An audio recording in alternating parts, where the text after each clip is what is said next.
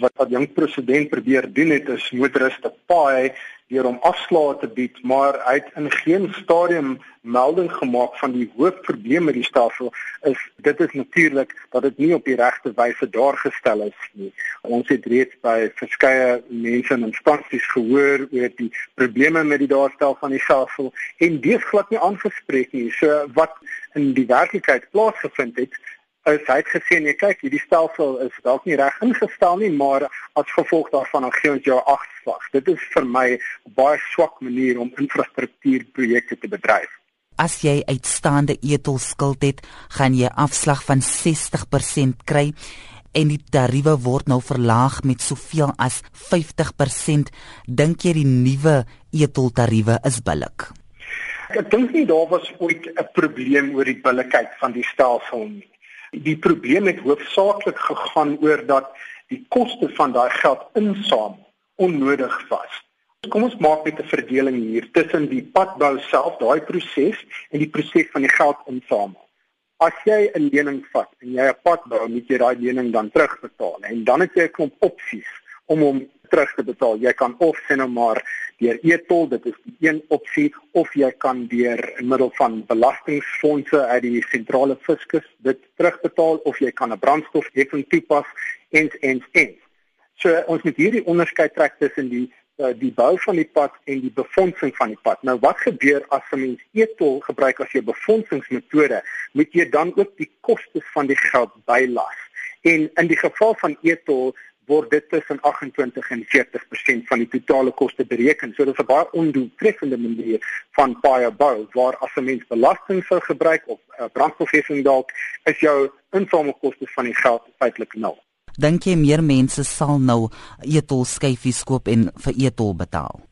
Dit is baie moeilik om te sê want die een ding wat ek wel wil melding van maak oor die laaste 2 of 3 jare is dat die bevolking baie meer touwys geraak het oor die manier waarop die regering hieroor te werke gegaan het. En ek dink 3 jaar gelede as hulle hierdie aanbod gemaak het sou baie mense dit aanvaar het maar nou deesdae dink ek sal mense bietjie kat uit die boom uit kyk en sê maar julle het nog nie ons oorkommenisse oor die etelstelsel aangespreek nie So ek dink die reaksies sal gemeng wees. Daar sal seker mense wat sig van verligting sal sig en dan hulle rekeninge gaan betaal. Daar sal dalk ander wees wat dit sal oorweeg en dan sal daar seker die gehardes wees wat reguit sê nee kyk, julle het nog nie die sentrale probleme met die saak vol aangespreek nie en tot tyd en wel julle so maak waar ek om te betaal.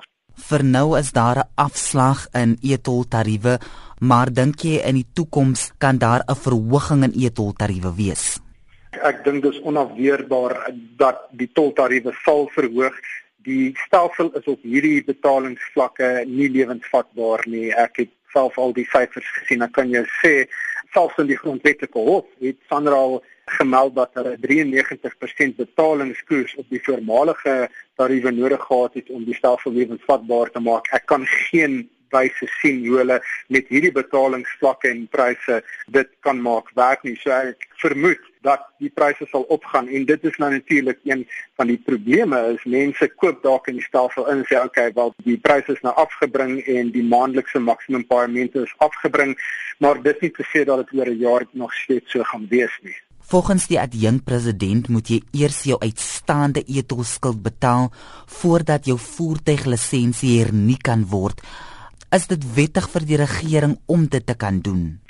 Op hierdie stadium is dit tot die beste van my wete nie wettig nie. Die enigste manier hoe jou voertuiglisensie weerhou kan word op hierdie stadium is as jy nie 'n RT boete betaal het nie en jy deur al die prosesse is en daar's 'n skikkingsbevel teen jou uitgereik, dis 'n soort van 'n lasbrief en dan as jy jou lisensie gaan hernie en jy nie daai bedrag van daai skikkingsbevel betaal het nie, gaan jy dan nie jou lisensie hernie kry nie. Maar dit is alles in die wet voor voorsiening gemaak. Op hierdie stadium as daar tot die wet van my wete nie vir ander wyse van die lisensie weerhou voorsiening gemaak nie. So daarvoor gaan hulle wetgewing moet skryf, maar dit gaan ook fyn dopgehou moet word want volgens wie skuld ek vir Sandra al geld? Ons het reeds al gesien dat hulle hulle stelsels 'n bietjie van 'n probleem is. Daar is hierdie gekloonde voertuie wat rondloop so as 'n ander ou met my nommerplaat op sy voertuig onder een van die tolpunte deurgery het, gaan ek nou moet pa staan vir sy skuld wat glad nie met my te doen het nie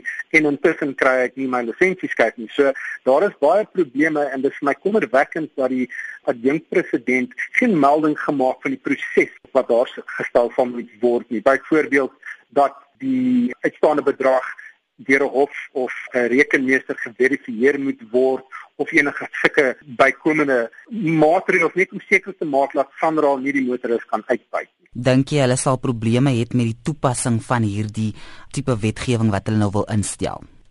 Stel dit so, die betalingskoers vir verkeersboetes loop op hierdie stadium ontgaan teen tussen 8 en 15%. So sê nou maar 'n ou sou nie sy lisensieskryf het nie nie en hy kry 'n boete daarvoor. Wat is die kans dat hy daai boete kan betaal? My bekommernis is dat hierdie ons tot 'n hele verval van wetgehoorsaamheid kan lei want jy het nou mense wat gesê het kyk ek gaan nie my e-tolrekening betaal nie. Nou sê hulle weet jy wat ek gaan ook nie my lisensie skep hernie nie. En as hulle boete daarvoor kry dan sê hulle wel ek gaan dit ook nie betaal nie en wat gaan julle aan my maak? En die regering het reeds gewys hy's redelik standloos wat dit daarby kom. So ons moenie die moontlikheid van 'n terugslag teen hierdie onderskat nie. En ek dink hulle moes eintlik meer versigtig gewees het voor hulle so omstrede stap geneem het